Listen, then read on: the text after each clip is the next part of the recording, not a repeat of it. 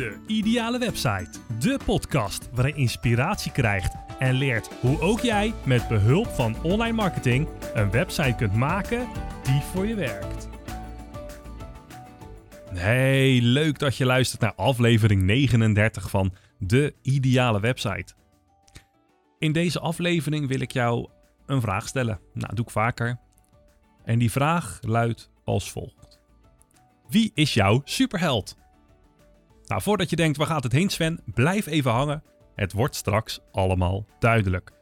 Want bijna iedereen in de wereld die laat zich door iemand anders inspireren. Steratleten kijken uh, bijvoorbeeld naar degene die hen voorgingen. Je hebt schrijvers die putten verbeelding uit andere beroemde schrijvers. En podcasters die willen graag hetzelfde succes als Joe Rogan. Nou goed, veel mensen die worden geïnspireerd door fictieve personages. Ja, ik ook.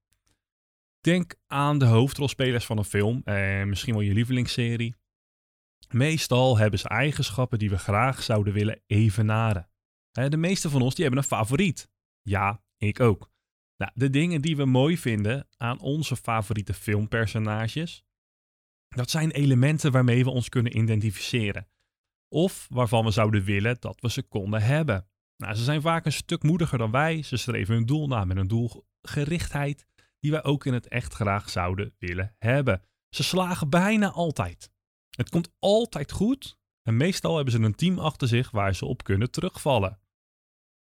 Nou, hun doelen zijn misschien niet dezelfde als onze, hè, als ambitieuze ondernemers. Nee, je hoeft waarschijnlijk niet een kale man te verslaan wanneer je onder invloed bent van kryptonite. Maar er is altijd iets groots waar je moeite mee hebt om te bereiken. En de reis die voor je ligt, die is ontmoedigend. En er is altijd wel iets aan je favoriete personage dat iets in je eigen leven weerspiegelt. Hè, dus het wordt een beetje een, uh, een motivatieaflevering dit, een motivatiepodcast. Ik ga jou um, wat, ik, wat dingen blootleggen in mijn leven en wie mijn favoriete personage is. Waarom ik vind dat hij met mij weerspiegelt. En nou ja, goed, laten we maar beginnen. Mijn favoriete personage is The Arrow. Nou, misschien ken je hem, misschien ken je hem niet. Maar mijn verhaal sluit, er, sluit erbij aan. En we hebben naast die pijl en boog ook best veel raakvlakken. En zo is Oliver Queen, The Arrow, uh, lang weg geweest en heeft hij zijn skills opgedaan. En nou, zonder dat hij het van de daken heeft geschreeuwd. Na jaren actief te zijn geweest op de achtergrond, kwam hij vanuit het niets in beeld en daar was hij dan.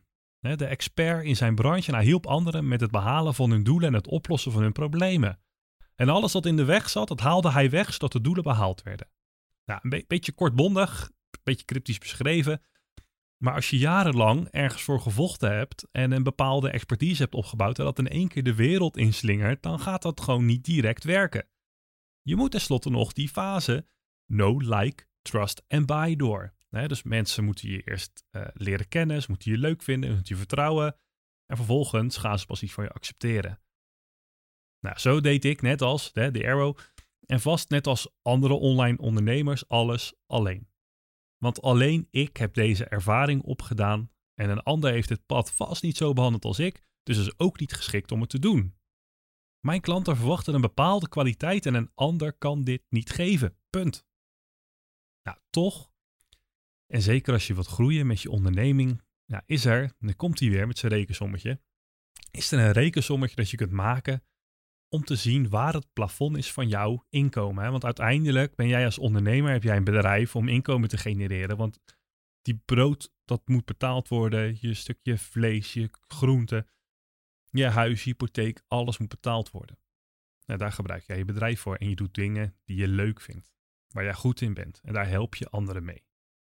Nou, als we dan gaan kijken naar het plafond van je inkomen, hè, en dan, even terug op het stukje van je kan niet alles uh, alleen.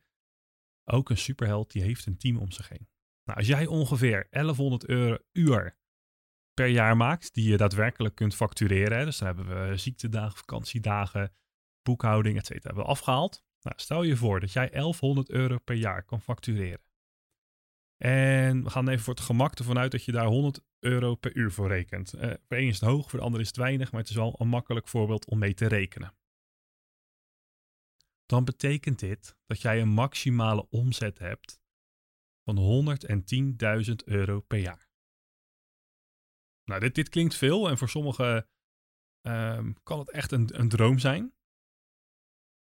En nou, voor mij was het zelfs een, eh, ehm, een omzetdoel waar ik heel graag naar wilde, naar wilde werken. Hè? Een ton omzet per jaar. Nou, het klinkt dus veel, maar hier haal je bijvoorbeeld uh, misschien wel 24.000 euro per jaar af als loon. Om je hypotheek, je boodschappen en andere privé-onkosten te betalen. Nou, dan heb je daarnaast natuurlijk nog je zakelijke onkosten, hè, zoals huur van je, van je kantoor, van je pand, de softwarelicenties, ander soort licenties waar je voor moet betalen, je laptop, je computer, beeldschermen, in mijn geval een, een, microfoon, belichting, camera's. En natuurlijk eh, je marketing. Daar ga je ook je geld uit besteden. Want als jij niks aan marketing doet, hè, en ongeacht of je het zelf doet of laat doen, die uren moeten gemaakt worden. En wie ze doet, dat maakt niet uit. Nou, als je dat allemaal gedaan hebt, dan heb je als laatste nog dat je misschien nog wel ik zeg altijd tegen een ondernemer: hou er rekening mee dat je de helft van wat je verdient af moet dragen aan de Belastingdienst. Dan kan het alleen maar meevallen.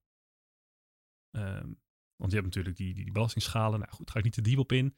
Ja, dus dan ben je nog de helft kwijt aan de Belastingdienst. Dus uiteindelijk klinkt het heel veel. 110 euro um, omzet per jaar, maar er gaan nog heel veel kosten vanaf. En je houdt er geen kip aan over. Nou goed.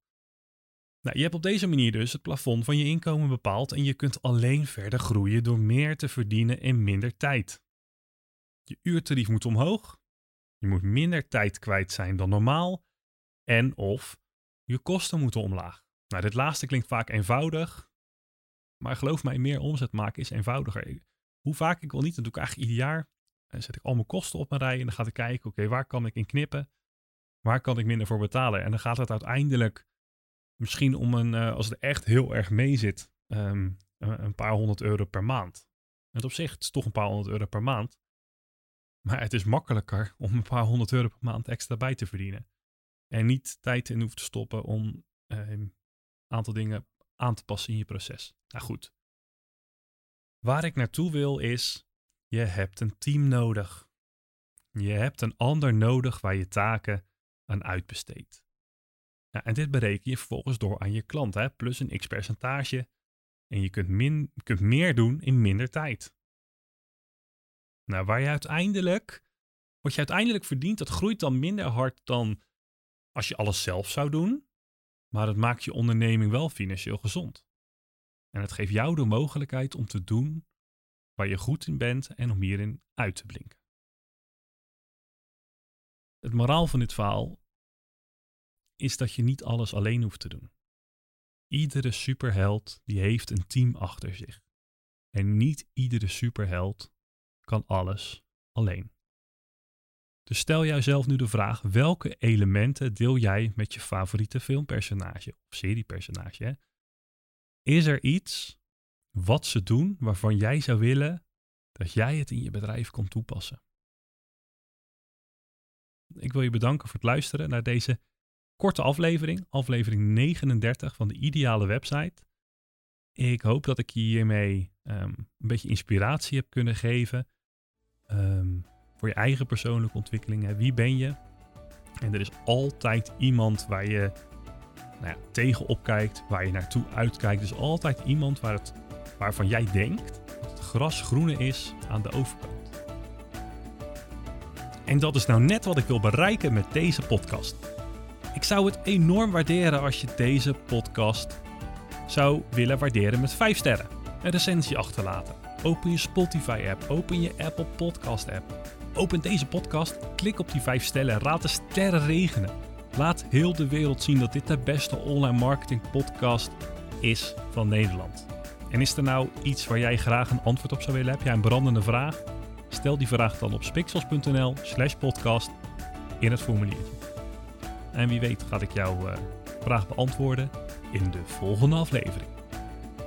En nu voor de laatste keer bedankt voor het luisteren naar aflevering 39 van De Ideale Website. En onthoud goed, jouw succes is mijn succes.